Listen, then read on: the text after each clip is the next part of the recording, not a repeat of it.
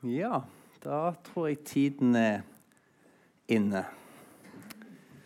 Så velkommen til kveldens salong her på Litteraturhuset i Bergen.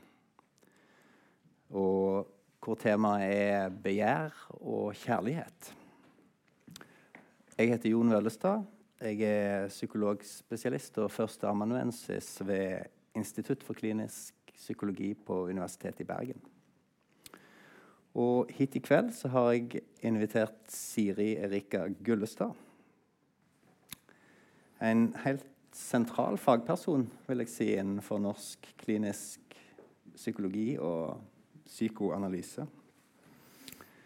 Eh, forfatter av en rekke artikler, bøker, og har spilt en stor rolle i utdanningen av både psykologer og psykoanalytikere både her og andre steder. Uh, nå er Siri aktuell med denne boken her. Mm. Og 'Begjære den du elsker'. Og den skal vi snakke mer om her i kveld. Så velkommen til deg, Siri. Ja. Tusen takk for en varm innledning. Ja, vi er enige om at jeg skulle lese uh, litt for boken først. Før uh, intervjuet begynner, som det skal være. Fint å bli lest for. Ja. Den de elsker, begjærer de ikke. Og den de begjærer, elsker de ikke. Slik beskriver Sigmund Freud splittelsen mellom kjærlighet og begjær. Anders er i et trygt og stabilt forhold til ektefellen, som han har to barn med. I det siste har han følt seg rastløs og fanget. Han misliker den kjedelige personen han syns han er blitt. Forholdet oppleves mer dødt og ensformig enn før. I hemmelighet lengter Anders etter mer spenning. En dag på en jobbkonferanse møter han Anna. En vakker, attraktiv yngre kollega som nokså utilslørt flørter og forfører ham. Anders blir hodestups forelsket. De innleder et lidenskapelig erotisk forhold. En dag oppdager kona til Anders en intim melding på mobilen hans. Hun er rasende, fortvilet, hyler at han får dra. Kaster ham ut. Anders er knust. De glødende følelsene for Anna er som blåst bort. Det eneste han ønsker, er å komme tilbake til kone og barn. Han trygler kona om å ta ham tilbake, sier han skammer seg over at han kunne miste kontrollen. Jeg skjønner ikke hva som skjedde. Jeg var ikke meg selv. Det var som noe fremmed tok makten over meg. Nå er jeg meg selv igjen. Hos Anders var det en motsetning altså, mellom trygghet og tilknytning på den ene siden. Han var dypt knyttet til kone og barn. Veldig glad i henne, elsket henne, sa han. Og de var selve ankeret i tilværelsen hans. Konflikt mellom det, altså tryggheten og tilhørigheten, og tenning og begjær på den andre. Denne splittelsen utgjør en kjerne i utroskapens psykologi. Hvorfor er det så vanskelig å forene trygghet og spenning? Ett svar er å se seksualitet og tilknytning som to adskilte biologiske systemer som har hatt ulike oppgaver i evolusjonen. Mens seksualiteten har forplantning som mål, har tilknytning som funksjon å danne varige bånd som beskytter avkommet. De to systemene er uavhengige av hverandre. Mennesket kan føle seksuelt begjær uten tilknytning og være tilknyttet en partner uten å være tiltrukket. Det er også en iboende motsetning mellom de to systemene. Når vi knytter oss til noen i et kjærlighetsforhold, søker vi trygghet og stabilitet. Å kjenne seg trygg er et menneskelig grunnbehov. Seksuell tenning derimot næres av det som er ukjent og spennende. Gjennom evolusjonen har dette vært hensiktsmessig fordi det innebærer insentiv til å ikke velge et nært familiemedlem, og derved motvirke innavl. Samtidig er tiltrekning mot nye mennesker en trussel mot etablering av varige bånd. Konflikten er imidlertid ikke uløselig. Med utgangspunkt i tilknytningstenkningen sier f.eks. en psykoanalytiker som Morris Eagle at i langvarige parforhold kan utfordringen takles ved at seksuell tiltrekning og tenning gradvis erstattes av følelsesmessig bånd. Stabil tilknytning til en partner har mer med en følelse av trygghet å gjøre enn med begjær. Forholdet opprettholdes gjennom emosjonell støtte og gjensidig omtanke. Det betyr ikke at tiltrekning og seksualitet ikke lenger spiller noen rolle, men snarere at erotikk er viktigere i begynnelsen, mens følelsesmessig støtte og omtanke blir relativt sett viktigere etter hvert. Men så enkelt er det ikke for mange. Psykoterapeuten Ester Perel, som sikkert mange av dere har sett kanskje, og hørt om, som har bred erfaring som parterapeut, beretter om utallige veletablerte par som klager over mangel på erotisk tiltrekning. Vi har det bra, men vi har ikke sex lenger. De ønsker trygghet, men føler seg innesperret. I boken 'Mating in Captivity' starter Perel med et dikt av D.H. Lawrence om ville ting i fangenskap. Hjemmelivets store bur dreper menneskets sexlyst. Det enkle begjæret fordreies og forvrenges, sier Lawrence. Å forene det hjemlige med seksuell spenning utgjør en gordisk knute, sier Perel. Og hennes terapeutiske prosjekt er å hjelpe par til å løse opp knuten. Mitt prosjekt i denne boken er å undersøke de underliggende grunnene til at denne gordiske knuten oppstår. Så jeg forsøker det har vært prosjektet mitt, da, å forstå den indre dynamikken i det erotiske begjæret og konflikten mellom ulike typer av behov i våre intime relasjoner. Når vi blir kåte og vil ligge med noen, er det ikke motivasjonen vår å forplante oss.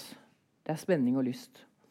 Evolusjonsteorien forankrer menneskelig motivasjon i blinde biologiske krefter som har ett overordnet mål å overleve og reprodusere seg. Men det er psykologisk motivasjon som styrer menneskelivet. Og Psykoanalytisk teori, da, som er min bakgrunn, undersøker de, disse psykologiske motivene og gjør det motsetningsfylte i våre erotiske liv og den ofte uløste spenningen i våre partnervalg tydeligere. Det er mitt utgangspunkt. Så der er Forsøkt å tydeliggjøre da, mitt prosjektet i denne boken. Fint. Du tok oss rett inn i Ja, dette. det er jo en vignett fra min egen praksis. Så det er terapirommets empiri. ja. Sant. Og, og, og boken din, den, den, åpner jo i 1968 ja. med den seksuelle frigjøring, tid for en ny oppriktighet, en Mm. muligheten for eh, ny harmoni i, i kjærlighetslivet. Men som du sier, dette er jo etter 1968, det du Mm. skildrer. Det er ikke så enkelt, tross liberalisering og likestilling og tusenvis av selvhjelpsbøker om sex og samliv og Mm. Psykologi og parterapi i alle kanaler. Mm. Så, så fortsatt så står disse her gamle, gamle konfliktene ved, ved lag, da. Mm. Så, så det er hvordan Ja, som du sier, du vil gjerne belyse eller forklare Mm. dette med boken din. Så det skal vi snakke mer om. Men, men jeg lurte på en ting aller først. Hva, hva var det som fikk deg til å ta fatt på dette skriveprosjektet akkurat nå? Ja, ja, det er et godt spørsmål. Det er hvorfor skriver vi? Hvorfor skriver Mm. jeg? Ja, det er vel eh, tre nivåer av svar, holdt jeg på å si. Eh, det ene var det faglige, at jeg er eh, psykoanalytiker og, i faget og har vært veldig opptatt av betydningen av relasjoner og trygghet. Det som er den ene polen da, i denne motsetningen. Det er trygghet og tilhørighet. Og det store historiske bidraget vil jeg si, som tilknytningstenkningen har eh, vært. Altså Vår forståelse av barns behov er virkelig radikalt endret fra 1950-tallet, som var min barndom. Eh, barn på sykehus. Ja. Sånn at, men eh, så hadde jeg en følelse av at det eh, hadde tatt over litt. Sånn, eh, de sier jo det som parterapeuter òg, at det er som om trygghet eh, er på en måte blitt svaret på alt. På en måte. Så Sissel Gran, for eksempel, som også skriver i dette feltet, her, da, som mange av dere kjenner sikkert, um, um, uh, har jo vært i denne mer emosjonsfokuserte Dette er kanskje mer faglig, da. jeg vet ikke hvor mange av dere som er inne i selve faget psykologi og sånn, men, men i hvert fall den, uh, Jeg syns det er morsomt med denne uh, Hvis dere ser på denne parterapi av Kevin Vågnes Den med, med Kjell Birger og Britt Helen. Hvor han sier sånn eh, Puse, puse, nusse, puse, Britt Helen. Kan du ikke høvle over meg på kjøkkenbenken? liksom. Så, og det er litt det de sier. Da. Det er sånn, dette er jo på spissen og det er spissformuleringene som tydeliggjør ting, kanskje. Men sånn paret kommer, da, Neste Perel eller Sissel Gran, og så, og så sier de ja, vi har det bra, vi, og jeg er glad liksom, hverandre, sånn, men vi har ikke sex lenger. Så får de liksom beskjed om å ja, dere må bli mer, enda mer trygge. Liksom, dere ikke ligg ved siden av hverandre. Ikke noe press, ikke noe press. Bare ta forsiktig, liksom litt sånn, da. Puse, puse, liksom. Og det er altså mer De som har jobbet med det, sier at det holder ikke. Så, sånn at der eh, hjelper ikke folk da nok. Det ikke, hjelper ikke å si mer trygghet, liksom. Så, ja. Sånn at det er en faglig grunn. at Jeg synes at jeg kom jo inn Jeg var jo et 68-barn. Jeg tok artium i 68 og var jo, leste jo psykoanalyse og marxisme. og liksom Det var eh, frigjøringen og blomsterbarna og P-pillen. Det er jo den store materielle markøren for endring min generasjons kvinner. ikke sant? Som P-pillen og Lånekassa, som gjorde det mulig å frigjøre seg. sånn. og, og Eh, og, og, jeg hadde den tanken som du sa, om, om, at eh, dette bare så lyst ut og, og mer sånn sex, Dette skulle være harmonisk. Dette, og etter 40 år i terapistolen så er det litt annerledes. da. Sånn mm. men jeg, jeg var selv veldig eh, personlig eh, måte, trukket mot psykoanalysen, for jeg syns jeg forsto veldig lite selv av meg selv. Og ikke minst om mitt eget kjærlighetsliv. Mm. Sånn at det med det ubevisste og, og, at dette er krefter og så driftstenkningen og tenkning om seksualitet og tråd har alltid vært med meg. Så jeg syns etter veldig mange år med trygghet og tilknytning og behov de, i faglig forgrunnen, så syns jeg det var på tide å få det mer tilbake igjen. Så det er et sånt faglig grunn. Ja, til, men, til begjærets men, forsvar. Ja, i forsvar for drift og begjær. Liksom. Mm. Jeg skrev en artikkel i tidsskriftet til psykologene, da, tidsskrift for Norsk psykologforening, jeg, som jeg kalte et forsvar for drift og begjær. Og skrev i Morgenbladet det samme. Liksom. Der var en sånn statement, da. Mm. ja. Og, men, men, så altså, det, det, er eh, så. Det er med, så en uttrykkstrang, da. Det er vel Når man skriver, så er det vel for å måtte, ha lyst til å si at jeg hadde noe på hjertet. på en måte. Men eh, på en måte, kanskje på en måte den viktigste grunnen var at eh, denne boken hadde ikke blitt til hvis ikke Kagge forlag hadde mm. vært så pågående. Eh, Erling Kagge er i og for seg min nabo, men det er litt irrelevant, tror jeg. Men, men han, hvert fall, så hadde han spurt meg Han er jo en sånn pågående forlegger. Det, jeg har utgitt på universitetsforlag og, og, sånn før, og det er veldig interessant, det der. altså mm. Forleggerens rolle, for de er veldig sånn på. Ja. så deres pågående giver, vil jeg si. det og jeg hadde, sa jeg nei, jeg har ikke noe, var, jeg har ikke noe aktuelt. Men da det kom det med drift, så tenkte jeg ja, hvorfor ikke? Så det har vært en uh, veldig sånn utfordring for meg å skrive mer mot en allmennhet. da. Mm. Så det har vært med betalt språkkonsulent og rødpenn og Altfor akademisk, sier de, liksom. Og virkelig morsomt, syns jeg. da. Jeg, jeg, liker å jobbe med form. Mm. Ja. Ja. Det, det er, som passer seg med ulike beveggrunner her, ja, det er det. som, som, som, det, det vært, resulterte det, i, Det er utrolig fint å jobbe ja. med noen som er så uh, interessert i dialog, vil jeg mm. si. Mm. Mm. Så liksom for å gjenopprette litt balansen her mellom de si, forskjellige motivene i, mm. eller drivkreftene i oss som, som, kan være vanskelig å forene trygghet, forutsigbarhet, tilhørighet på den ene siden, og på den andre spenning, mm. overraskelser, det ukjente, ja. kanskje til og med det farlige og ja. Eh, forbudte. forbudte mm. så, sant? Og, og, og, begge sett med behov tar vi med oss inn i parforhold og vil, mm. vil egentlig ha det, begge mm. deler. Der, mm. du må være trygg, men du må òg passe på å overraske meg. ikke sant? Og, ja, så, så Hvorfor er det så vanskelig, da? Eller hvor kommer de fra, disse forskjellige kreftene i menneskene? Ja, altså Jeg tror eh, det er et godt utgangspunkt å tenke at det er to litt sånn grunnleggende typer av motivasjon vi har. Altså, Freuds uh, Noen spør meg liksom, er ikke Freud, Driftsteorien er ikke avlegg. opp? jo, i noen henseender er det det. skriver jeg også. at Det er, det er, ikke, det er absolutt noen forklaringsmodeller. Men den, den, er jo nå i en veldig sånn interessant dialog synes jeg, med dette, denne nyere affektive nevrovitenskapen. Hvis vi snakker fag, da, der er det forståelse av menneskelige sånne grunnemosjonelle systemer. Og dette seeking, altså at vi har liksom som er litt bredere enn bare seksualitet, da, men liksom nysgjerrigheten og ut og det er liksom uh, Utforske det nye og det ukjente. Og det, vi, det er et liksom, litt annet system enn en, uh, en trygghetssøkenden. Mm. Så, så jeg tror det er fruktbart å tenke at det er eh, litt motstridende krefter. Da, drivkrefter, på en måte. Mm. Men de er jo ikke, altså det ligger jo, det har jeg fått spørsmål om. Altså, eh, jeg sier at det er en motsetning. Og denne vignetten i Freuds Dette var en eh, impotent mann som Freud uh, hadde, skrev den setningen på bakgrunn av en case. Altså en mann som hadde oppsøkt ham fordi han var impotent med kona, og oppsøkte prostituerte. Det er liksom 100 år siden. Så, um, men, eh, men, det betyr jo ikke at det er nødvendigvis en motsetning. Det sier jeg ikke. Altså, det er jo mange som også får det til. At det går i hop. Altså, det, det, er ikke et postulat om at det er universelt opplevd motsetningsfylt. Altså, man blir forelsket, man begjærer, er tiltrukket.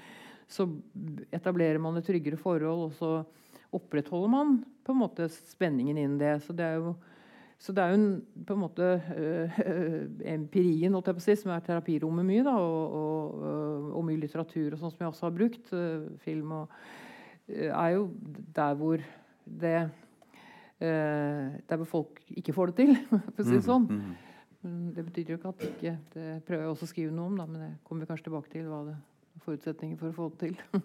ja, sant. Men så, så ja. det er på en måte en slags evolusjons tankegang, eller vi er utrusta med noe fra naturens side. Samtidig så, så, så, Sånn som du beskriver det, så blir det jo veldig Det blir nyansert og spenningsfullt. sant? For det man ofte kan få, er jo den der poppsykologi, evolusjonsteorien om at ja, menn er sånn, kvinner er ja, det... sånn, de vil ha det, de vil ha det. ikke sant? Men mm. Um, mannen søker spenning, kvinnen søker trygghet og et, ja. et rede. Sant? Mens mm. du, sånn, som du beskriver det, så virker det som om det er uh, mer sammensatt enn ja. som så. Ja. Det er litt forenklet å se det sånn. Det tenker mm. jeg. Det, det er mer sånn overordnede drivkrefter. Vi er jo på et psykologisk nivå. Mm. Og det er ikke den forskjellen mellom menn og kvinner som akkurat det du ser der, tenker mm. jeg. Nei. Nei. Mm. Så, så, så, sier du at det, det er ikke en selvhjelpsbok, sier du? Nei, eh, jeg skrev det. Jeg liker ja. jo ikke det. Nei, nei. jeg hater egentlig det, som selvhjelpsbøker ja. sånn, sånn, sett. Men, men du gir ikke, men, gir ikke råd i den eh, forstand? Hva? Nei, At du ikke gir råd i den forstand? Nei, ikke sånn råd. Nei. Som jeg heller ikke gjør i terapi sånn direkte. Men det mm. betyr jo ikke at ikke Jeg tenker at den eh, At jeg kanskje mm, om ikke selvhjelp, er, så, så, forsøker jeg å reflektere over hva som er forutsetningene. Det vil jeg si. Det er, det er en ja, kanskje selvhjelp, hvis man utvider det til å ikke være råd, men i den grad refleksjonen, og det tenker jeg jo mm. at den kan være. Jeg tenkte kanskje jeg ville kunne gjort det til et poeng. Jeg har ikke gjort det, men altså at det tenker jeg at den kan bidra til. Altså At jeg mm. prøver å reflektere over hva som uh, er forutsetning for å, å forene da, eller uh, begjær og, og, og tilhørighet. Mm. Ja. ja. Kunne vite at det er sånn, eller eie begge sider, eller flere ja, sider Altså. Jeg kan godt si noe om det hvis du vil inn i det. Liksom. Gjerne det. Ja. Skal jeg si det nå? Vær så god. ja, da, kan Ja, for det, det, er jo løsningen. Vi skal kanskje ja, ikke gi litt med den. Ja, vi må, ja, vi må, litt med den. Vent litt med opprettholde ja, det er, det er spenningen sånn, her. Det er spenningen, vet du. Vi er først i problemet, og så ja, ja. Og folk være her. De må ikke gå før løsningen kommer. det er jo akkurat det. Um, sant? Og, og du sier det at driftsperspektivet er på en måte godt litt grann i glemmeboken da, faglig. ikke sant? Ja. Sånn at det, her er det å, å, ha fokus på det uten at du nedtoner betydningen av trygghet og tilknytning. Ja, ja. Mm. Men, Så, så er det en slags, slags dobbelthet her òg, kanskje sånn som når jeg leser det, som, som jeg ville spørre deg om. Sant? At på den ene siden så har vi denne driften eller det indre livet som en slags sånn presserende kraft eller noe rått og nesten vilt i oss som, som søker utløp. Mm. Som, uh, mens andre ganger, både i, i, i, pasienthistorier og litteraturen du viser det til, så, så handler det kanskje mer om um, savn eller lengsler folk har, som på en måte får de til å handle på begjær. Ja, det, så hvordan forholder disse ja, det, tingene til seg? Det er et fint spørsmål, syns jeg. Som er veldig sentralt. altså mm. Hvordan dette er jo sammenvevd. Mm. Og at uh, i uh, det som vi kan oppleve som en forelskelse eller et begjær, da, mm. uh, etter et annet menneske, forelsket ut av ekteskap f.eks., plutselig sånn som Anders ja. her i den vignetten, så kan det være uttrykk for mer noe uforløst i en selv. Altså. Det er jo det litt sånn tragiske ofte ved utroskap. Man trodde det var den andre man eh, ønsket. Altså det var liksom den andre personen som Men den andre møtet med en annen kan mm, måtte forløse noe, en lengsel i en selv, som, som, som, mer peker tilbake på noe urealisert i en selv. Mm. Det, eh, og um, ja, Nina Lykke hun er jo en sånn morsom forfatter, skriver denne boken som heter 'Nei og atter nei'. ikke sant? Hvordan han bryter ut ikke sant? og helt vilt forelsket. Og så på slutten av boka så er hun blitt den nye kona og venter et nytt barn. Og han er utro med en annen. Altså, mm. Det var eh, han eh, som ja, var innestengt i roller og, og uh, hadde um, latt seg uh, stenge inne, vil jeg si, uh, og ikke tatt på alvor at uh, få tak i hva, uh, hva som var mer uh, lengsler etter å utfolde sitt eget, sin egen kreativitet, sin mm. egen utfoldelse vi, vi, vi, lar, vi, kommer jo ofte inn i sånne for trange definisjoner av mm. oss selv og andre. Og mm. at begjæret kan beve seg inn i behov for å bli sett altså, for å, å, å bekreftet. Og, og, det er en grunnleggende psykologisk eh, innsikt eh, også. At, at begjæret, hvordan både trygghetsbehovet vårt og begjæret vårt uh, kommer til uttrykk, henger mye sammen med våre tidlige relasjonelle erfaringer. Der, ja. der er jo grunnleggende både psykoanalytiker og psykolog, vil jeg si. Og jeg har jo sånn ett eksempel, for eksempel, en, en vignett som jeg bruker litt plass på. Eh, en, en, mann som gikk i behandling hos meg, som helt kort fortalt som eh, hadde en mor som var sånn knuselskende. Eh, 'Lilleprinsen min, du er min lille ridder for bestandig.' og Han følte seg utvalgt og veldig spesiell. Mm. Og, og, og, samtidig var det noe klamt. ikke sant? Mor eh, brukte han for å bekrefte seg, og altfor mange mødre gjør det, og binder edderkoppmoren, liksom. og han, så han hadde det som jeg syns jeg, jeg har fortsatt en, en, ganske stor terapeutisk praksis, og jeg syns jeg ser det mye. Ikke minst hos unge mennesker. Altså er, de ønsker seg et forpliktende forhold inn i noe. Og kommer de inn i noe, så føler de seg fanget. Og han her da, han hadde, ble, hadde typisk det. Og det hadde sam, sammenheng med en sånn manglende opplevelse av fått bekreftet sitt eget selv, for å si det sånn, som adskilt, og, og, og, med morens respekt for at han eh, var en adskilt person, da, kan du si. Og seksuelt, altså det, det var synes Jeg lærte mye av det, eh, behandlingen med han. fordi at han både måtte han ut av forhold, selv om han var veldig sjarmerende og flott kar. egentlig, så Han hadde ikke noe problem med å få kjærester, men eh, når han hadde fått dem, så måtte han liksom ut. Don't fence me in. liksom, Slukt, bli slukt. Mm.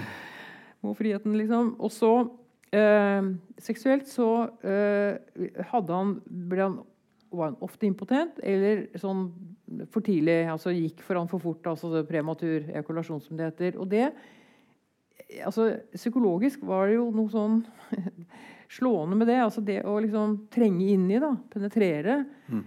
Det fanget han på en måte også. Eh, sånn Akkurat som et forhold kunne fange han, så kunne kvinnekroppen på en måte. altså at det det er en psykologisk problematikk som også ble uttrykt mm. i uh, seks, de, seksuallivet, rett og slett. Ja. Ja, som formes på måter Ja, så som det sjøl ikke klarer så å, å de- se så lett. Ja. ja, Mm. ja. jeg bruker, de Gjengangerne er fortsatt relevante. Du viser jo til Ibsen Ja, ja. På, på akkurat Det det, vi- hva vi har med oss av med oss, ja. bagasje og forventninger. At Ja. vi på en måte ja, vil ha ting som ikke helt, helt heller vet hvorfor vi vil ha. Nei, nettopp. Det, det er en dyp ting. Ja. Lengter etter ting vi ikke alltid vet hva er. ja. Mm. Mm. Ja Men så, så er det sånn komplisert, sant. Uh, så, men så har vi kanskje et sett med idealer eller forventninger, eller hva er det vi òg får lære eller høre i, i kulturen vår at kjærligheten er? Mm. Ja, hvordan er det med, med Hvordan forholder disse tingene seg til, Ja, altså du, til, eh, til, til hverandre?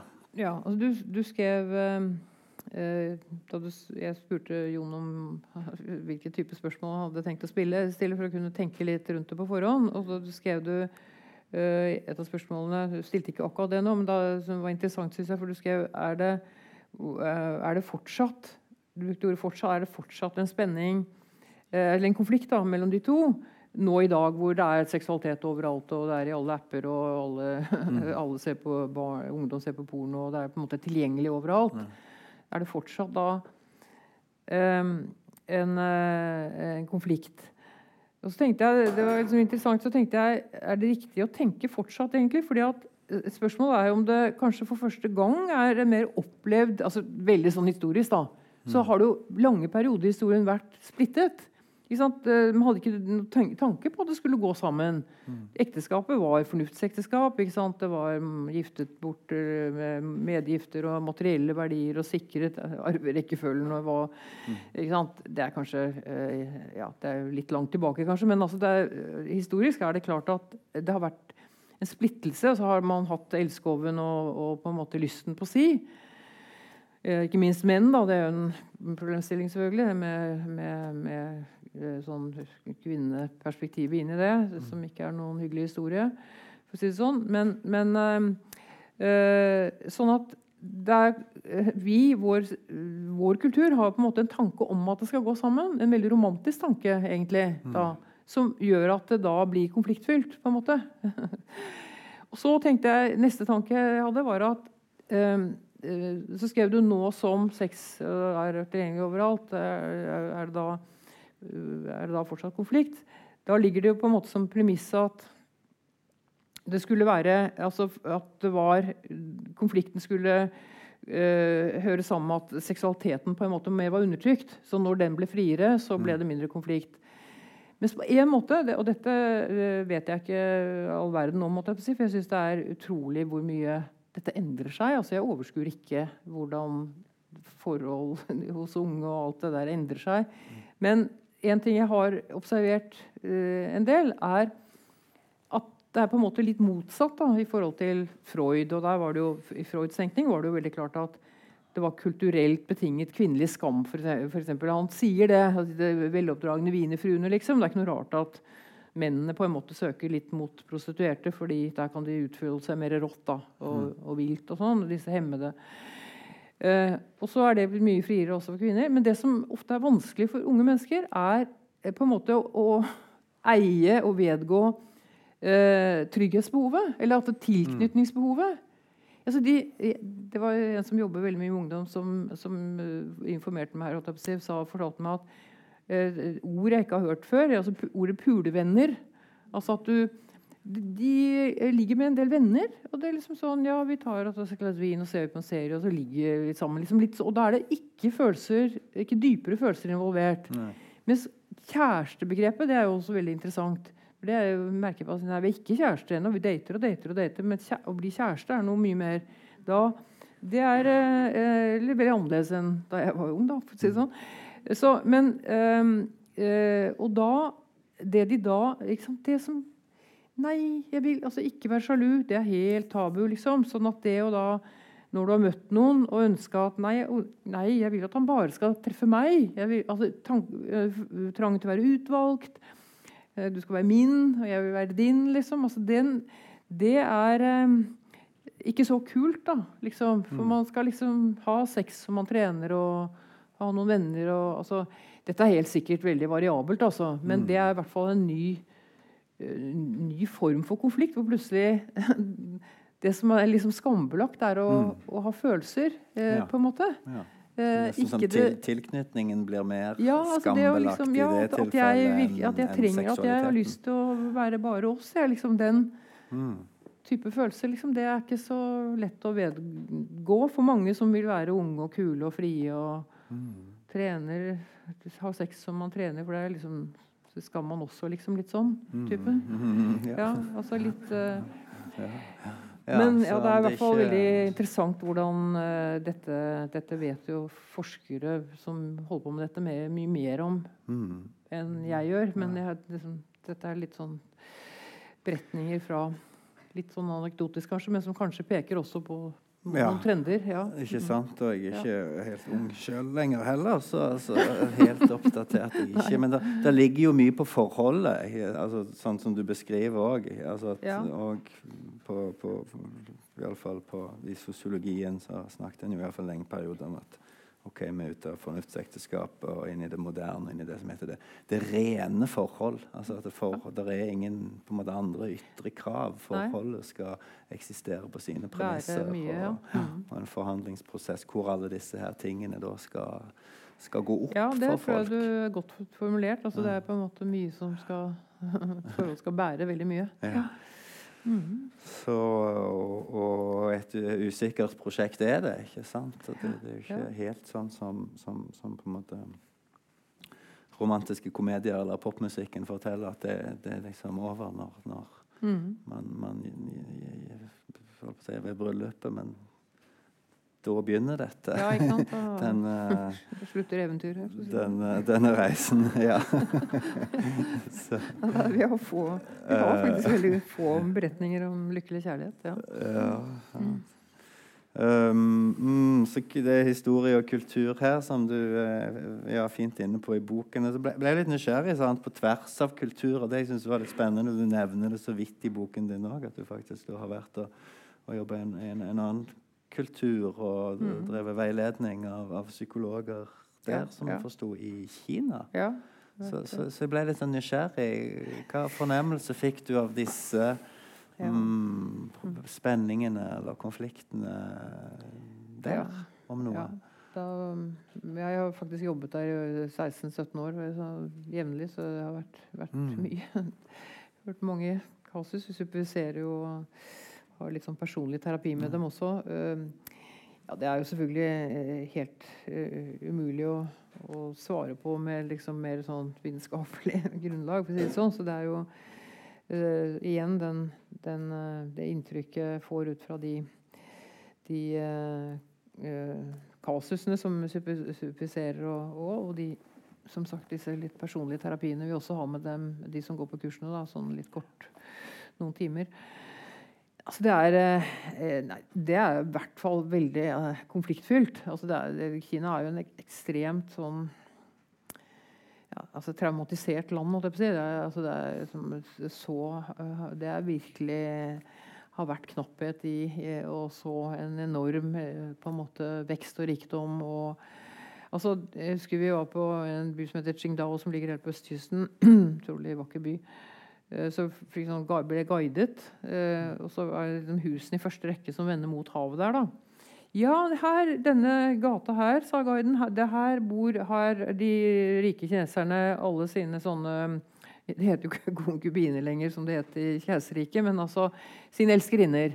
De har kjøpt hus til dem, så hele den gata var fullt av Så det er veldig vanlig. Altså at man har Eh, de som har fått eh, Det er jo 400 millioner som er løftet ut av fattigdom. De er veldig opptatt av, eh, av å vise at kunne vise sin, sin makt eh, gjennom penger og sånn også. Og det å ha en som man har på si, da, det, er veldig vanlig, altså. Mm, mm. Og, eh, så dette er en konflikt. Det er ikke noe sånn at eh, det kollektivistiske samfunnet gjør at de er mer eh, På en måte mindre konflikt. Nei. Jeg har vært veldig opptatt av, jeg skrev jo doktorgrad i sin tid om autonomi. Ja. Altså, og da jeg husker veldig godt da jeg disputerte, så sa Jan Smeslund, som var en, en legendarisk i Oslo, da, professor i psykologi, at dette er vel, uh, har dette noen universell gyldighet da? Altså I det kollektive kulturen, eller sånn som India, eller ikke, For jeg presenterte jo autonomi som en sånn utviklings... Uh, at vi vil gjerne Barnet vil bestemme selv, mm. liksom. At det er i oss å si ifra, kalte denne boka. Um, altså ifra. Men, uh, men, det er jeg helt sikker på. Altså, det er utrolig interessant. Altså, det er jo på en måte det antropologene kaller en veldig fin sosialantropolog fra Oslo som har skrevet en bok om Kina som heter 'The Birth'. Uh, the Rise of the Individual. Mm. Liksom. Uh, så det er, det, vi, det er jo fantastisk interessant. Altså. Mm. Så det er Kvinner kommer i terapi og er rasende fordi de må bo i, sviger, eh, altså i svigerforeldrenes hus, da, som er kulturelt vanlig. Og artikulere konflikten med svigermor, liksom, som er den som bestemmer at nei, nå får du se å få en gutt, liksom. Nå har du fått to jenter. Jeg vil at min sønn skal ha en, mm, en mm. gutt. Sånn. Det er, og, og, under svigermors pisk, liksom. Ja. Og opprøret mot det, da. Som uh, vi heier på, vi som liksom ja. uh, har dem disse, ja, eller artikulerer den konflikten da, når du superviserer og sånn. Ja. ja. Mm. Sånn, det er noe av det. Og det kolliderer inni oss uansett hvilken type si, samfunnsformasjon ja, jeg tenker det. det er en del av, høres det ut som. Ja, og mye er jo forskjellig selvfølgelig i dette kollektivet. er jo også reelt. altså Forpliktelsene i forhold til arbeidsplassen som en stor familie og masse ja, men det fører vel oss Kanskje Ja, men, ja, men, nei, det, ja. Det, det, er en ganske Det er ikke en veldig tykk bok, men den er rik. Sant? Den inneholder mange mm. eh, si, mange perspektiv, det, tenker jeg.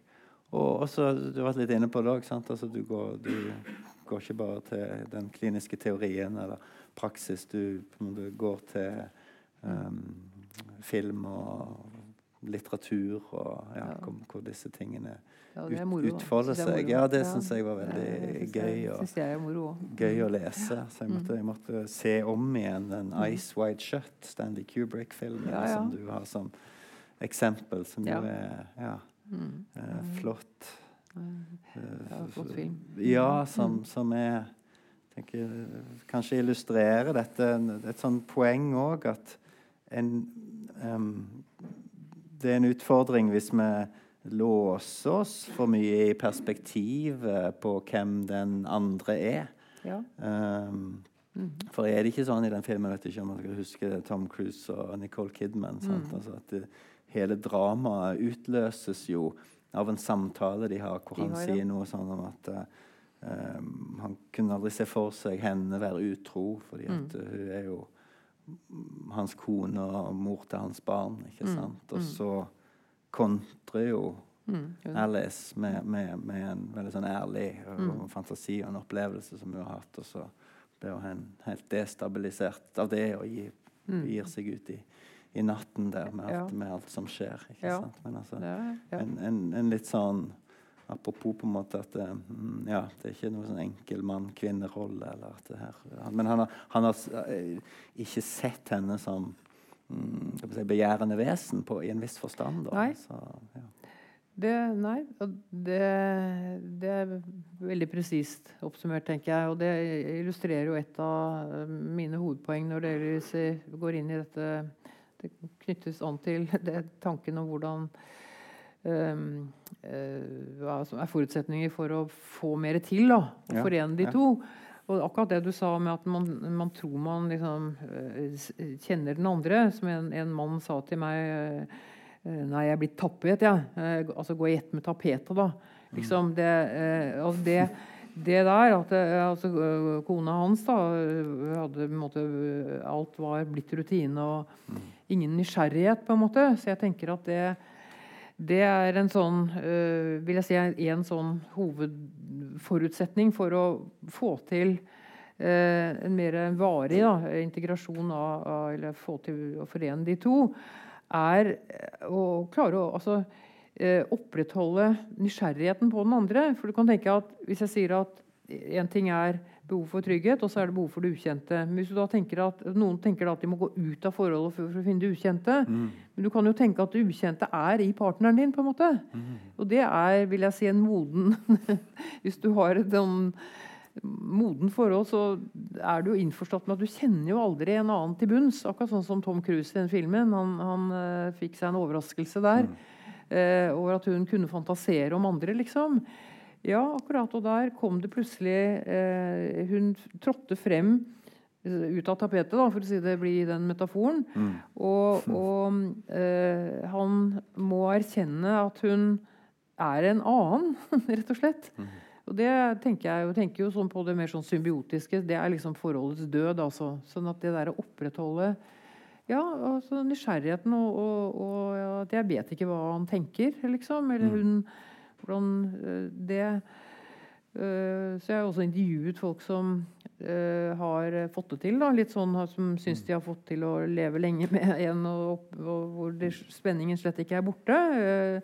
Selv etter veldig mange år liksom, i, i fellesskap. Så, så, er det interessant hvordan de gir eksempler. F.eks. sånn Ja, nei, vi var, vi, var på en fest, og så Hadde ikke vært ute på lenge, liksom. og, og plutselig så jeg at de andre damene på festen liksom flokket seg litt om meg. Så tenkte jeg men ja, han er jo egentlig veldig kjekk, liksom. Mm.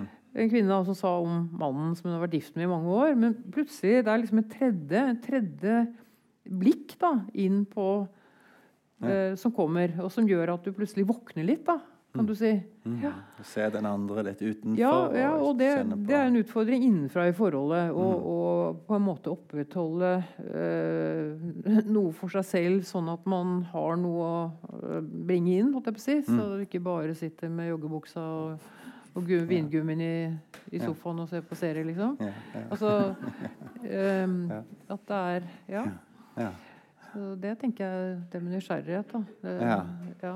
Ja, å kunne klare det sjøl. Altså, det er sånn Det er på en måte noen eksempler på uh, nysgjerrighet, men på det hverdagslige. sant? Altså, ja, Ja. Han er nå Han drar og ser fotball eller drar på jakt. Men det, så, er liksom noen sånne kvinner som sier ja, jeg, skjønner det jo ikke helt, men det er noe Nei. fascinerende at det eh, betyr så mye for han, og, Ja, ja. og vice versa. sant? Altså at, eh, for det er jo lett, det er jo der vi lett kan henfalle til, til, til, til stereotypier av hverandre. ikke Ja. sant? Ja. Mm -hmm. Nå er det liksom fotkamp og øl igjen. Og?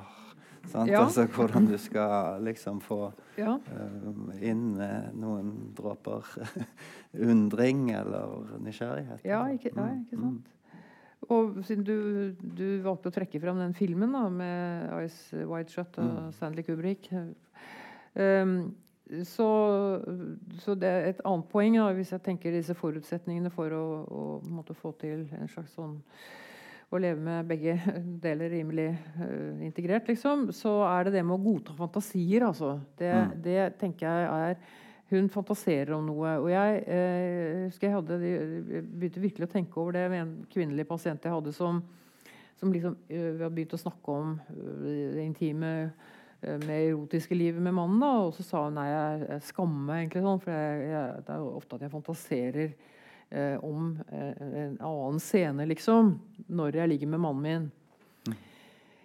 Og veldig det, kom, det satt langt inne altså, å fortelle meg det, for det var på en måte veldig skambelagt. Hun følte det, for jeg følte liksom, det skulle være det hele forholdet. da, Det rene forholdet, bare han og bare han.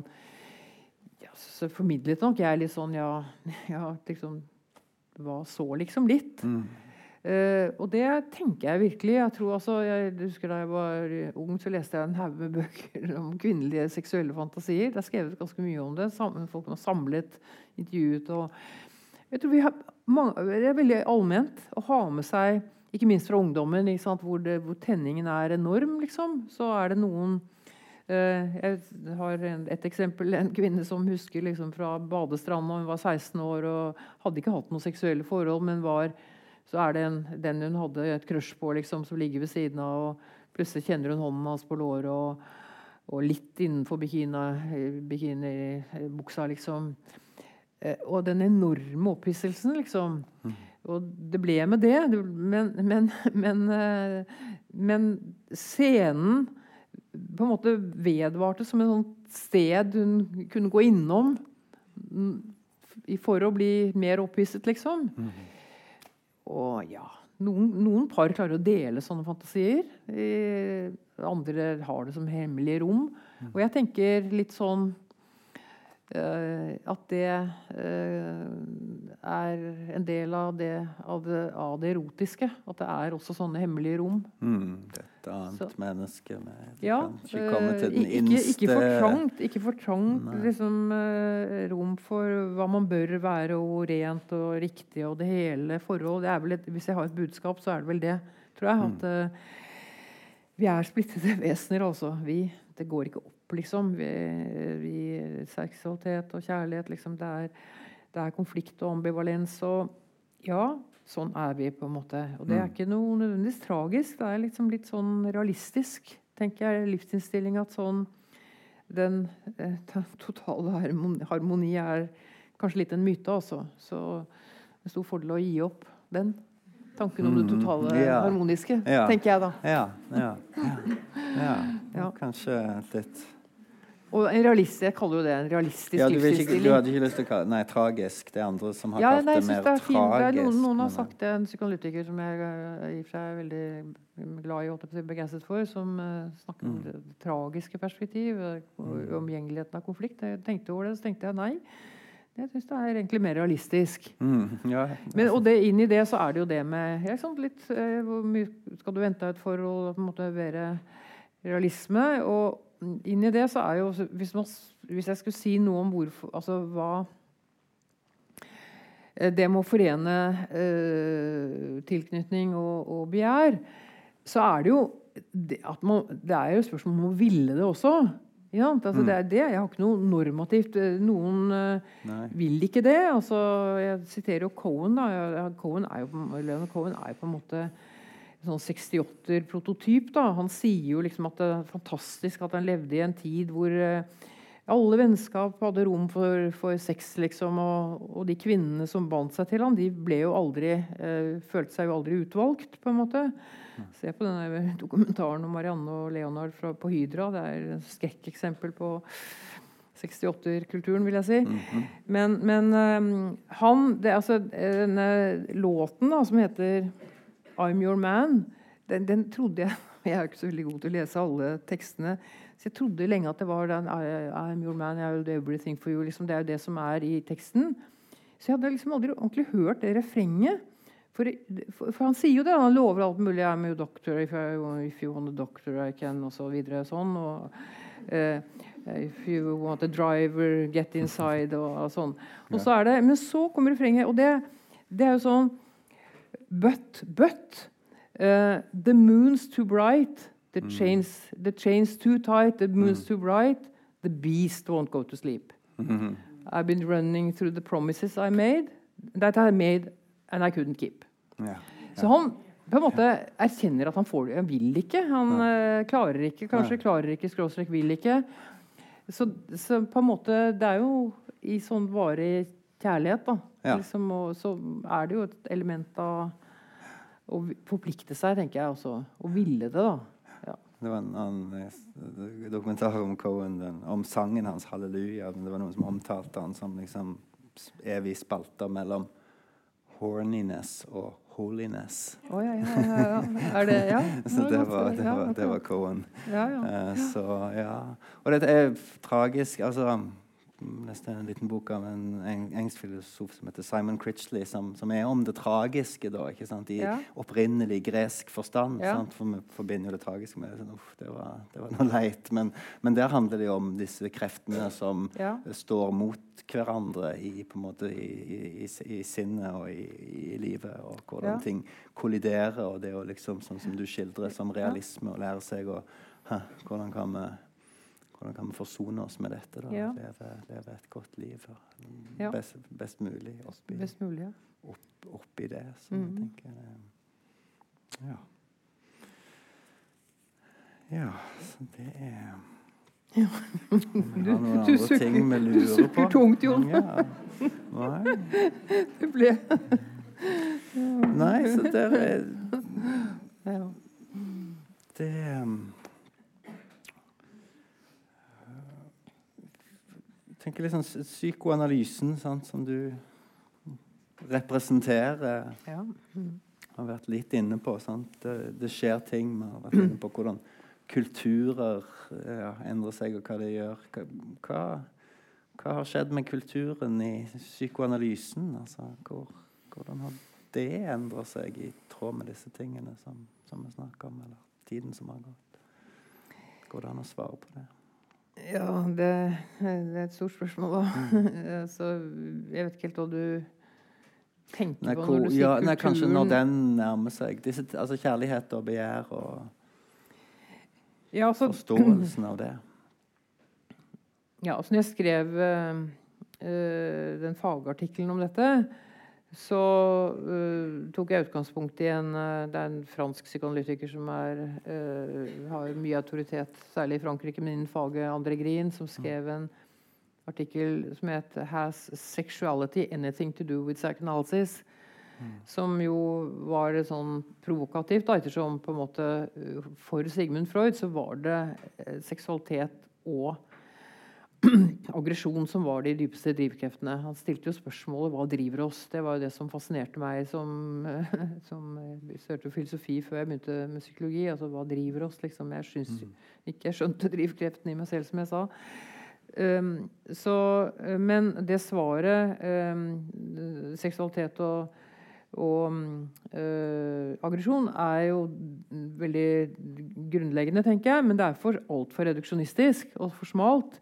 Sånn at da uh, Bowlby kom med tilknytningstenkningen og sa at nei, behovet for trygghet er et primærbehov. Det er ikke, det er ikke avledet av seksualitet eller sånn som Freud kan leses. da.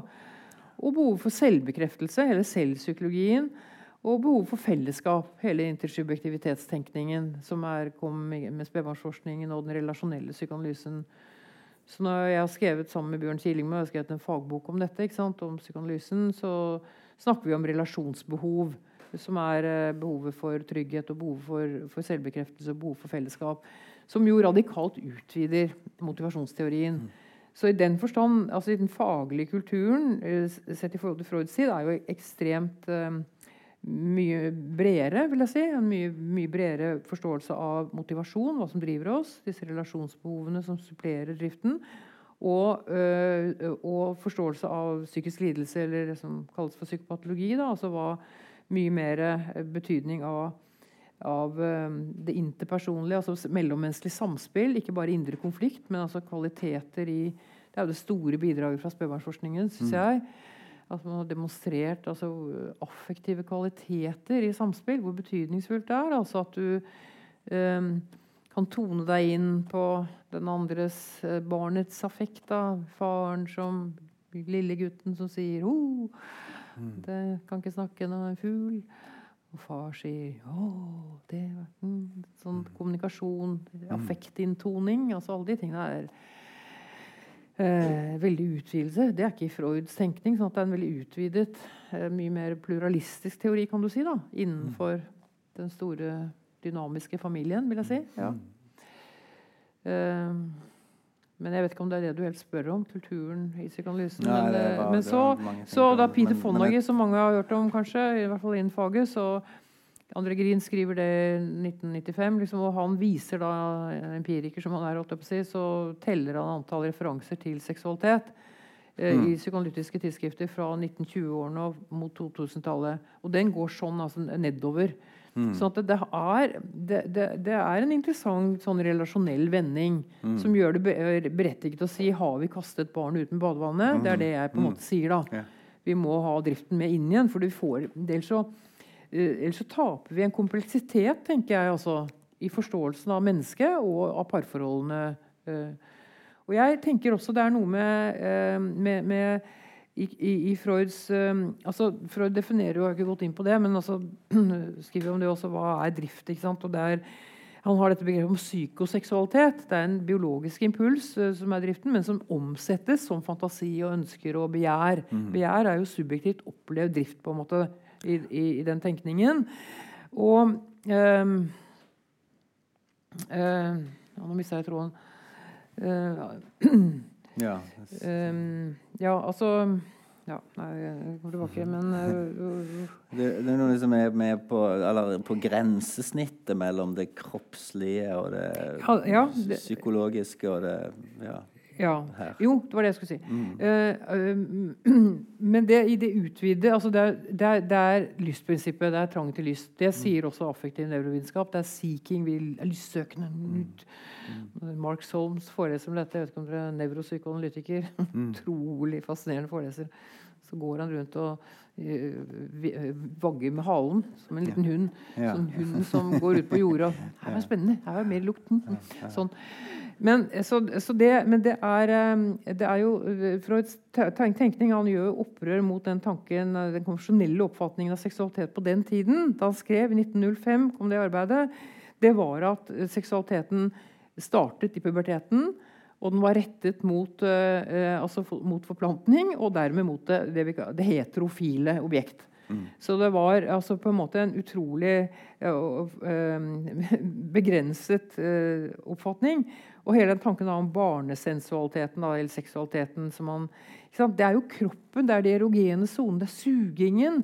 Det er liksom den enorme lysten i sugingen, barnets intense uh, onani, doktorlekene, den brennende liksom, lysten. Mm. Uh, som gjør at det er en kontinuitet på en måte i, i, i dette. Lyst, vår lystsøkende kropp. Mm. Og det tenker jeg altså, ikke sant, når vi sitter og, dette, Nå er jeg kanskje mer over i faget, men altså, når vi sitter og lytter som terapeut, så det, vi lytter etter affekten først og fremst nå. og etter hvilken selvtilstand er pasienten i, hva slags relasjon har vi egentlig her nå. Uh, så det er liksom den nyere tenk nyere. Mm -hmm. Men så er det noe med den derre kroppen ja. som Freud har med seg. Så jeg kan tenke det at det, ja, liksom det er en sånn sitter med pasienter som hiver innpå. Liksom det er alt der og går om å konsumere. ikke sant? Altså, nå er det ikke så mye røyk lenger, for det er liksom folk slutta med. Men det eh, altså, ja, det er noe med dette orale, liksom. Dette tidlige suget. Jeg husker så da Bjørneboe, Jens Bjørneboe var en av mine helter på 70-tallet. Han var jo storrøyker. Han sånn stor sånn munn. Han var veldig vakker mann. Du så liksom Fikk følelsen av lysten. Så det er liksom en sånn eh, kroppsdimensjon i lyttingen som liksom blir litt borte hvis du bare tenker eh, relasjon, da, tenker jeg. Det er liksom tap av kompleksitet, da, hvis vi mister det. Veldig fint. Er vi på, er vi på ja. tiden? Rammene er viktige. Så vi er, er, på tiden. Jeg tenker vi har vært innom veldig mange av disse her rike temaene i, i denne boken. Så det har vært uh, veldig fint å ha deg her til, det var til samtale. å bli invitert til, det er lenge siden jeg har vært i Bergen. Jeg sa til drosjesjåføren at det er utrolig lenge siden. Det var veldig Synd jeg ikke kunne kommet litt før, men ja. ja. Mm. Så, så, tusen takk for det. Og så er det sånn at uh, det er bøker til, til, salgs her som en uh, kan få etterpå. Så vil Siri være her og kunne skrive Jeg kan signere hvis noen, signere hvis noen vil ha en signert bok. Hvis noen ønsker det, eller ja. ja. så mm. Så da tror jeg jeg sier tusen takk eh, til deg. Ja, takk til deg. Og mm. takk for oppmerksomheten. Mm. Mm.